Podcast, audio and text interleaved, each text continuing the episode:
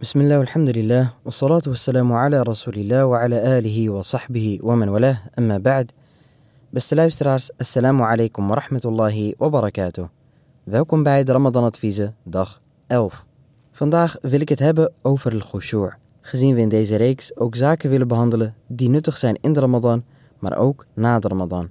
Allah subhanahu wa ta'ala heeft gezegd in de Koran, قَدْ أَفْلَحَ الْمُؤْمِنُونَ الَّذِينَ هُمْ فِي صَلَاتِهِمْ خَاشِعُونَ Waarlijk, de gelovigen hebben overwonnen.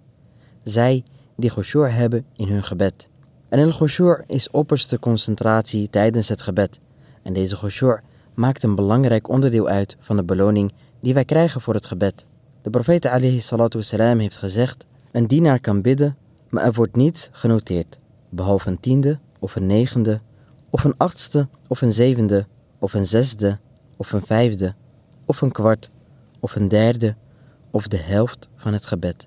Dit is dus sterk afhankelijk van de mate van khushu' die men heeft tijdens zijn gebed. En zonder twijfel kunnen we dus zeggen dat het hebben van khushu' tijdens je gebed een belangrijk streven is waar velen mee worstelen.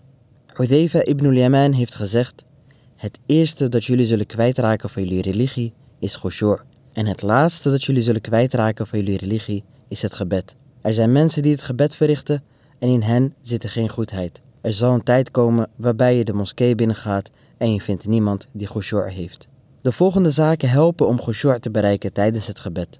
Allereerst, men dient Allah subhanahu wa ta'ala dit te vragen. Vervolgens dien in het gebed te staan met een aanwezig hart. En hiermee bedoel ik dat je je afsluit van de wereldse zaken. Je bent volledig gefocust en geconcentreerd op je gebed. Je concentreert je op de betekenis van de verzen, de dhikr en de dua die je doet tijdens het gebed. En voor de rest ben je er volledig van bewust dat je tegen Allah tabarak wa ta'ala spreekt op dat moment. Dus je neemt een houding aan die nederigheid laat zien. Wat ook enorm helpt is het gebed met kalmte en rust beginnen. Het is daarom ook niet voor niets dat het aangeraden is om vroeg naar de moskee te gaan en in de moskee te wachten op het gebed. En het is aangeraden om twee raka'at te bidden tussen de adhan en de iqama. Deze zaken zorgen namelijk voor dat op het moment dat je het verplichte gebed begint, dan ben je al helemaal tot rust gekomen. En tegelijkertijd zien we dat de profeet wassalam, het ons heeft afgeraden om haastig naar de moskee te gaan en te rennen naar de moskee. Want het is heel moeilijk om van 100 terug te zakken naar 0. Vervolgens helpt bidden op een rustige plek enorm. Een plek waar men niet afgeleid wordt. En deze rust dienen we te waarborgen in zowel gehoor als zicht. Dus een rustige plek waar niet veel geluid is, maar ook waar zich niet veel zaken bevinden die ons afleiden. Daarom is het misschien ook verstandig om een gebedskleed te gebruiken dat niet voor veel afleiding zorgt. Een effen kleur werkt vaak beter om je te concentreren dan een gebedskleed met veel figuren erop.